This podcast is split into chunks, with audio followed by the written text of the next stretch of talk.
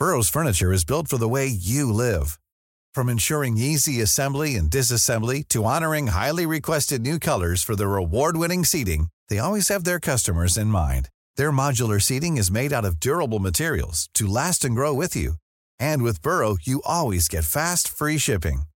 Get up to 60% off during Burrow's Memorial Day sale at burrow.com slash ACAST. That's burrow.com slash ACAST. burrow.com slash ACAST. It's that time of the year. Your vacation is coming up.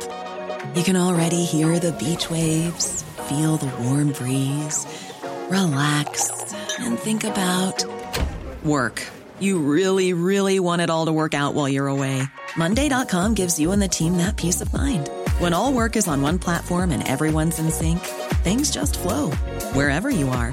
Tap the banner to go to Monday.com.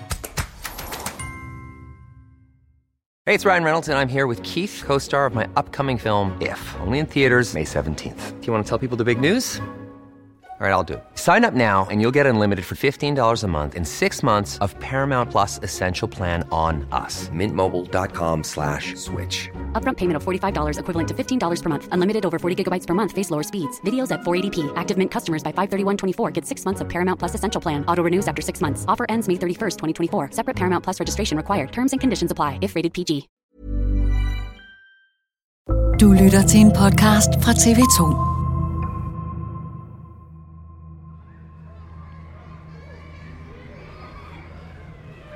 Margit blev anbragt på børnehjemmet Solgården i Tarm ude i Vestjylland efter en opvækst, hvor hendes mor havde været både alkoholiseret og prostitueret. Øh, Margit var 11 år, så hende og hendes lille søster øh, kom til Solgården, hvor forstanderen, som skulle kaldes for plejefar, han havde en mangeårig tradition for at begå seksuelle overgreb mod de her børn. Han gjorde det faktisk i 27 år. Han udvalgte sig Margit som et af sine yndlingsoffre, og det var altså starter med befamlinger, og så ender det i, i fuldbyrdet voldtægt. Og efter at have været blevet udskrevet fra endnu en indlæggelse, blev hun anbragt på et bosted i Vestjylland, langt ude på landet. Og en lørdag, så overhælder hun sig med benzin og, og sætter ild til. Og så løber hun simpelthen rundt som sådan en, en brændende fakkel øh, på gangene. Og så dør hun fire dage senere.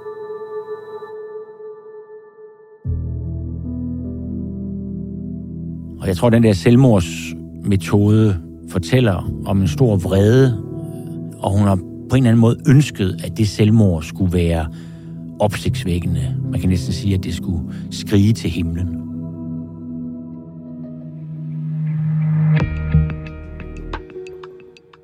Gennem næsten fire årtier blev børn seksuelt misbrugt på danske børnehjem.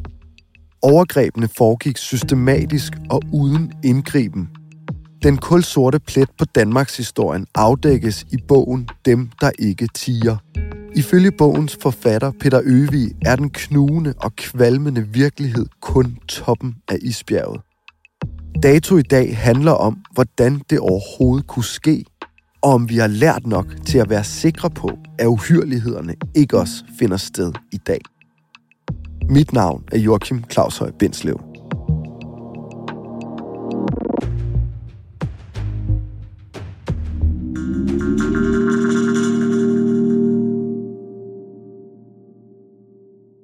Peter Øvi, du er forfatter til Dem, der ikke tiger 332 sider om det, du selv kalder det usleste af det usle. Hvordan har det egentlig været at skrive en bog om noget så grofuldt som årtier langt seksuel misbrug af børn? Jamen, det har faktisk været så ubehageligt indimellem, så jeg har givet op. Altså, det er en bog, jeg faktisk øh, fik ideen til af en god ven, som havde været udsat for de her seksuelle overgreb på et børnehjem for 7-8 år siden. Og så tænkte jeg, det måtte man jo skrive en bog om, men da det så gik op for mig, hvor sort emnet egentlig var, så har jeg et par gange opgivet det. Indtil jeg opdagede, at der jo også er noget, altså der er jo også noget positivt i, at der faktisk er nogle mennesker, der begynder at fortælle om det her, og begynder at agere og råbe op og ikke finde sig i det længere. Så der er også et, et lys, og det gjorde det så muligt for mig faktisk at, at arbejde videre. Altså på et eller andet tidspunkt, så, så øh, bliver man jo simpelthen også grebet af, at det her skal fortælles. Og så er der en, det kan være lidt, lidt mærkeligt at sige, men så er der også en form for fortælleglæde i det. fordi man bliver meget tændt på, at historien skal fortælles så godt som muligt. Helt kort, Peter, hvad er det, du afdækker i den her bog?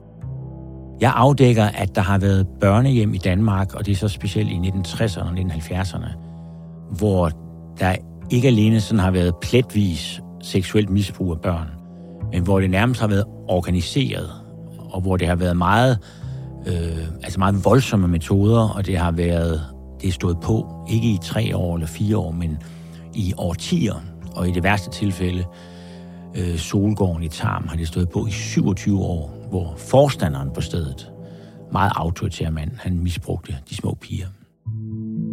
Hvad har overrasket dig mest ved den her historie? Det har overrasket mig, at der har været voksne mennesker, ansatte på de her steder for eksempel. Folk i børnehjemmets bestyrelse, altså mennesker i lokalområdet, der har vidst, at det her foregik. De har hørt om det. De har vendt det døve øre til, eller de har ikke turet at gå videre med det, eller jeg forstår det faktisk ikke rigtigt. Det mest chokerende har været, hvor mange, der har vidst, at der for eksempel har været en forstander på et børnehjem, der har misbrugt små piger, og de har ikke gjort noget ved det. Hvor mange har vidst, Peter Øvi, at det her var en stor udbredt ting, institutionaliseret misbrug af børn, meget udsatte børn, altså? Altså her er der jo allerede sådan, at folk begynder at relativere det, fordi jeg har diskuteret med nogen, hvor jeg spørger dem, du vidste jo det her, hvorfor gjorde du ikke noget? Og så siger de, ja, men det er rigtigt, at jeg hørte om det, men jeg troede ikke på det. Har man så vidst det? Ja, det synes jeg jo på en måde, man har. Hvis man hører, at børn bliver misbrugt, så har man jo en forpligtelse til at gå hen og tale med de børn, undersøge sagen, gøre noget ved det. Så jeg synes ikke rigtig, at den undskyldning dur til noget. Bare for at sige, at mange, som jeg vil sige, har vidst det, de vil selv sige, ja, men jeg troede ikke på det. Men altså for eksempel Solgården i Tarm, der er lidt delte meninger i byen. Det er jo en lille by i Vestjylland. Og der er der nogen, der siger, jamen det vidste vi jo godt. Og så er der nogen, der siger, det har jeg aldrig hørt om. Så hvem, hvordan kan det nu være? Ja, det er nok fordi, at der er nogle ting, man, som nogle mennesker ikke vil høre. Og så hører de det ikke. Og så er der nogle andre, der godt kan huske, at det der, det var noget, man talte om i byen. Så der taler vi jo om hundredvis af mennesker. Og det er bare én by. Ja. De overgreb, Peter Øvig afdækker, sker fra 1950'erne til langt op i 80'erne. Bogen kredser især om det kongelige opfostringshus i Nordsjælland og så Solgården i Tarm. Det var der, Margit blev udsat for de overgreb, der ødelagde hende så meget, at hun endte med at sætte ild til sig selv. Ham plejefar, som udsat Margit og mange andre for overgreb. Kender vi omfanget af hans forbrydelser mod børn? Han havde sådan set frit spil i de der 27 år. Og er sikkert også fortsat efter. Øh, et andet sted eller under andre forhold. Hvor mange har han så misbrugt? Altså, der har jeg dels haft adgang til et arkiv, hvor dem, der drev øh, børnehjemmet, som hedder Luthersk Missionsk, som er sådan en meget konservativ kristen organisation, at de faktisk på et tidspunkt har prøvet at finde ud af, hvor slemt er det her. Og så har jeg jo talt med en del kvinder, der har været børn eller piger på det her børnehjem. Og nu kan jeg også se, at i de vestjyske lokalaviser, der begynder flere og flere at træde frem. Og jeg tror alt i alt, at vi nærmer os 100. Og det er også været tallet er endnu højere. Men altså i hvert fald op mod 100 små piger er blevet udsat for seksuelle overgreb på det børnehjem igennem de der 27 år. Og det er bare et sted? Det er bare et sted. En mand? Ja. Hvad har han helt konkret gjort? Jamen, øh, det strækker sig ligesom fra, at nogen beskriver, at han har øh, presset sig op imod dem, gnedet sig op imod de her piger. Det er, altså, vi taler altså om piger på 7, 8, 10, 11 år. Øh, og så det næste niveau, det er, at han kommer ind og siger godnat. De skal jo kalde ham plejefar, og pleje, hans kone hedder plejemor. Altså, så der er sådan en, en stemning af, at det her er far og mor, ikke? Og de fleste af de her børn, det skal man jo også øh, huske, det er jo nogen, der kommer fra hjem, der er faldet helt fra hinanden. Man kommer ikke på børnehjem, hvis man har et, altså hvis det bare fungerer nogenlunde derhjemme. Og så kommer plejefar så og siger godnat om aftenen. Og der er der så en ret grusom regel på det her børnehjem, Solgården, som er, at pigerne må ikke sove med underbukser på om natten. Så de har kun en natkjole på. Og så kommer han altså med sine hænder, og så begynder han at græmse på de her piger.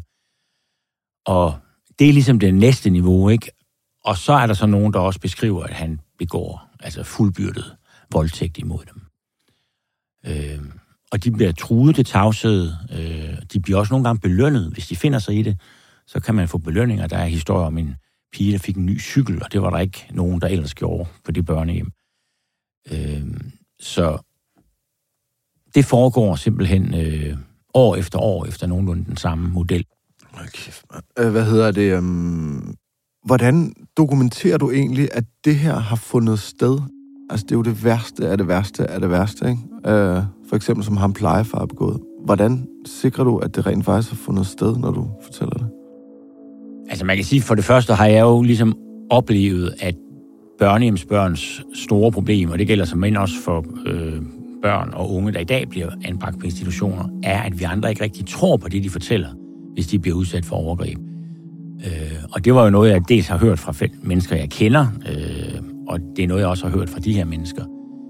Så derfor kan man sige, at jeg som udgangspunkt har haft en meget stor åbenhed over for, at det her muligvis kunne være sandt. Så har jeg nogle gange mødt nogle af de historier, vi sidder og taler om her, er så grusomme, så man har en eller anden skepsis. Og den skal man jo også være kritisk overfor, fordi det er jo den, der gør, at folk nogle gange afviser og hører på, hvad de børn faktisk fortæller. Vender det døve øre til. Men så er det klart, at så er jeg jo også øh, journalist og dokumentarisk forfatter, så jeg skal jo også på en eller anden måde stå inden for, at det her er sket. Øh, og det gør jeg jo så ved, at jeg taler med mange mennesker. Og de to store historier i bogen, Solgården i Tarm og det kongelige opfostringshus oppe i Helsingør, der har jeg jo talt med mange mennesker. Og det er mennesker, der ikke kender hinanden og ikke har talt sammen. Og de fortæller historier, der er så påfaldende enslydende, og nogle gange er det jo med 10 års mellemrum, så de har ikke engang været på institutionen på samme tidspunkt. Så jeg er overhovedet ikke et, en millimeter i tvivl om, at det er foregået. De mænd, der har drevet de her steder, har kunnet overbevise de mænd, som skulle gøre noget ved det om, at de her børn har jo bare en livlig fantasi.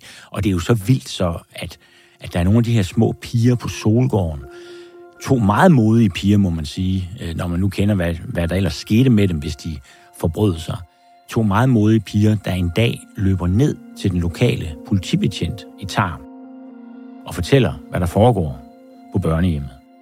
Og så kigger han på dem, og så siger han, hvad er det for noget fantasi? Jeg kender forstanderen. Han er en pæn mand.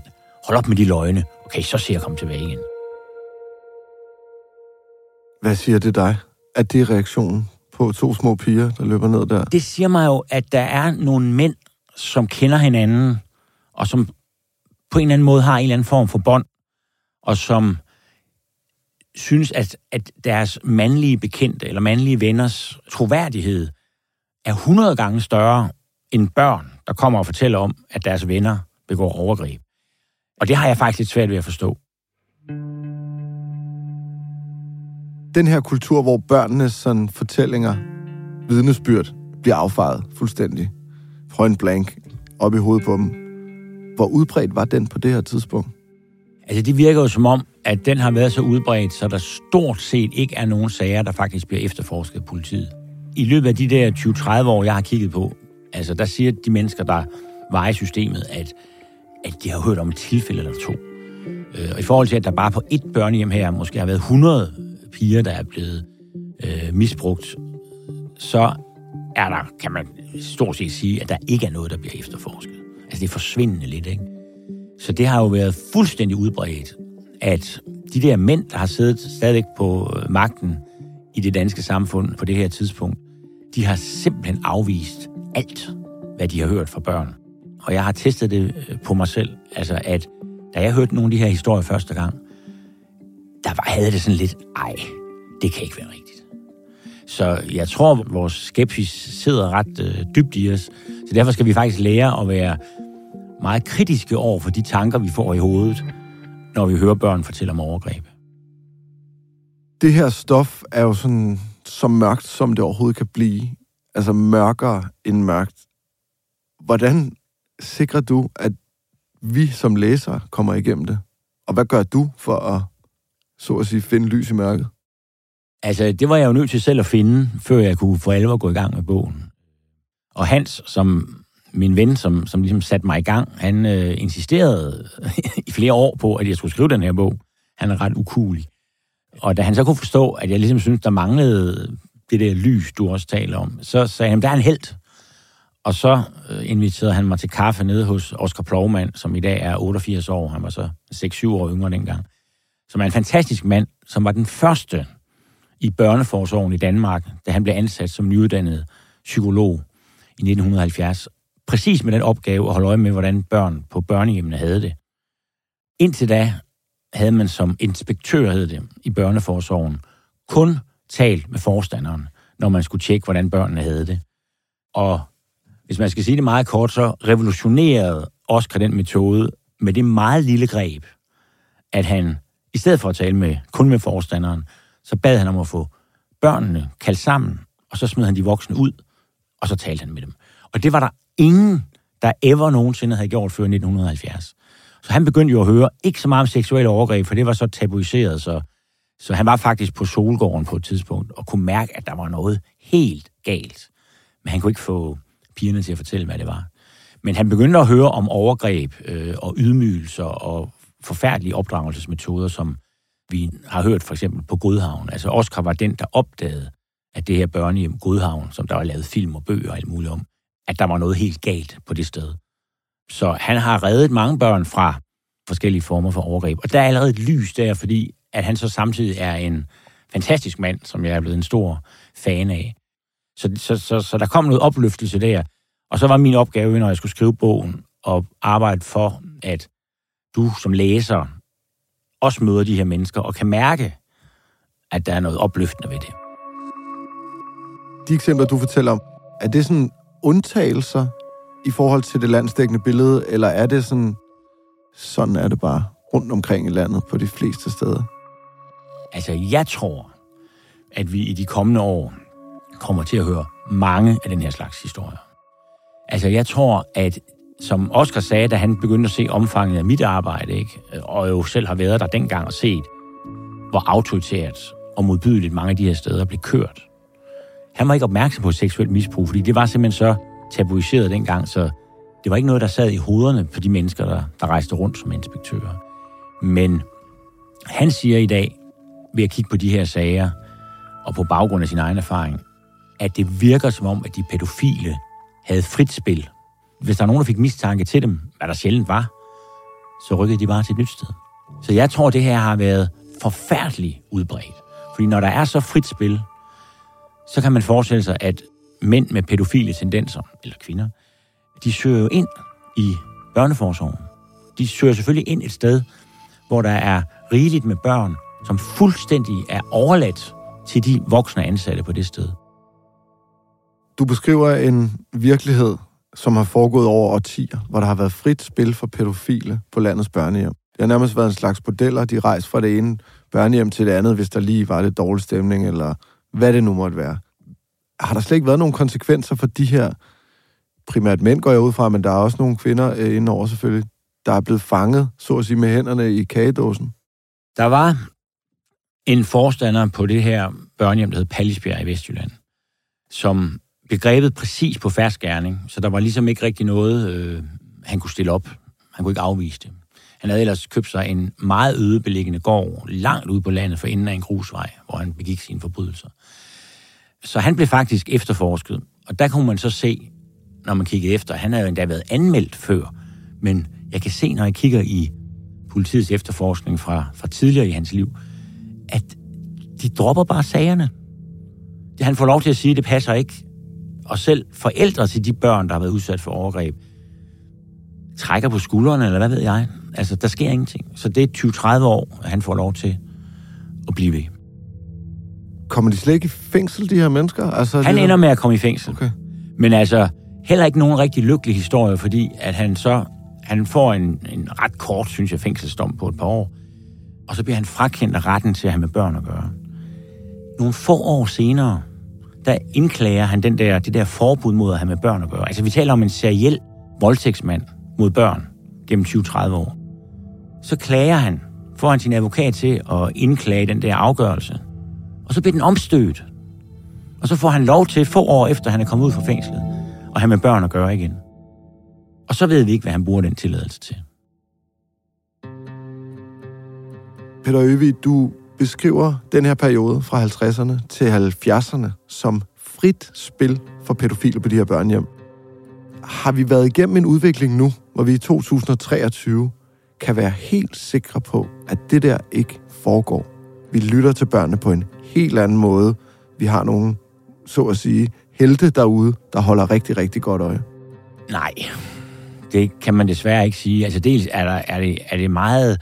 Dengang var det staten, der havde de her tilsyn, og så var det jo heldigt, når en mand som Oscar Plovman kom ud og udførte de her tilsyn. I dag er det meget mere lokalt, og hvor meget tilsyn er der egentlig?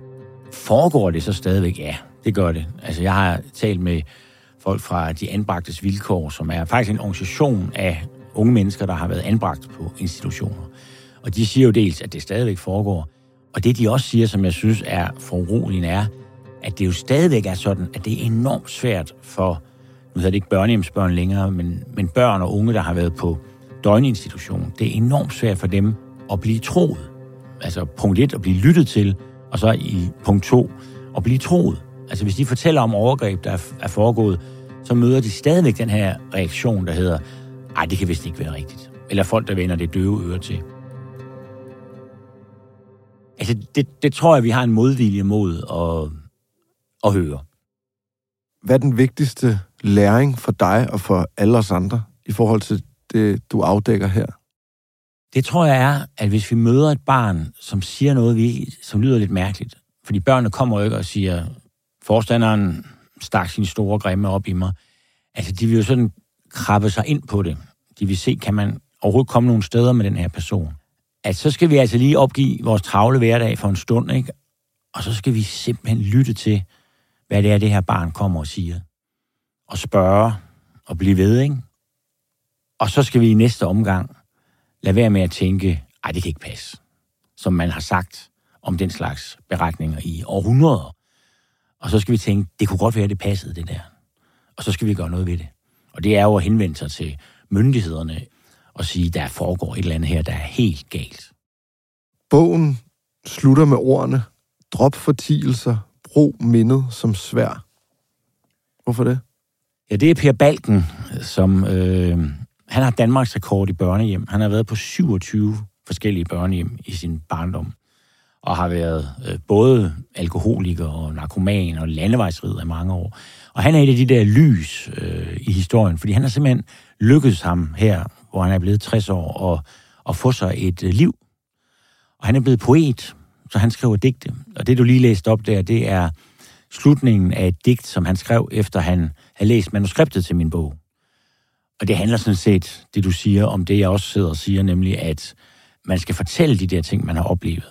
Og så skal man kæmpe for, at det bliver forandret, også for de kommende generationer.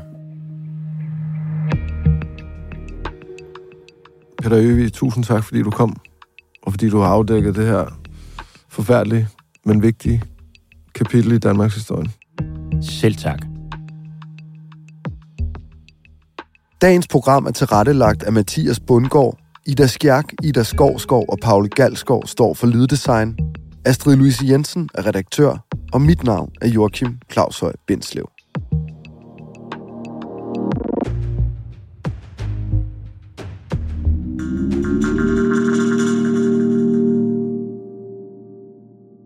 Du har lyttet til en podcast fra TV2. Even when we're on a budget, we still deserve nice things. Quince is a place to scoop up stunning high-end goods for 50 to 80% less than similar brands. They have buttery soft cashmere sweaters starting at $50, luxurious Italian leather bags, and so much more. Plus, Quince only works with factories that use safe, ethical, and responsible manufacturing. Get the high-end goods you'll love without the high price tag with Quince. Go to quince.com slash style for free shipping and 365-day returns. Confidence starts with loving who you are. And when your skin feels nourished and glows on the outside, you naturally radiate confidence from the inside. Give your skin a glow up with Osea's clinically proven Mega Moisture Duo. This ultra hydrating body care features two of Osea's best sellers, Undaria Algae Body Oil and Undaria Collagen Body Lotion. These seaweed powered heroes use skincare level ingredients normally reserved for your face for results you can see and confidence you can feel. Osea has been making clean, clinically proven seaweed infused face and body care products for over 28 years. This luxurious skincare is vegan, cruelty free, and climate neutral certified, so you never have to choose between your values and your best skin. Glow from the inside out. Get 10% off your first order with code GLOW at OseaMalibu.com. That's O S E A Malibu.com code GLOW.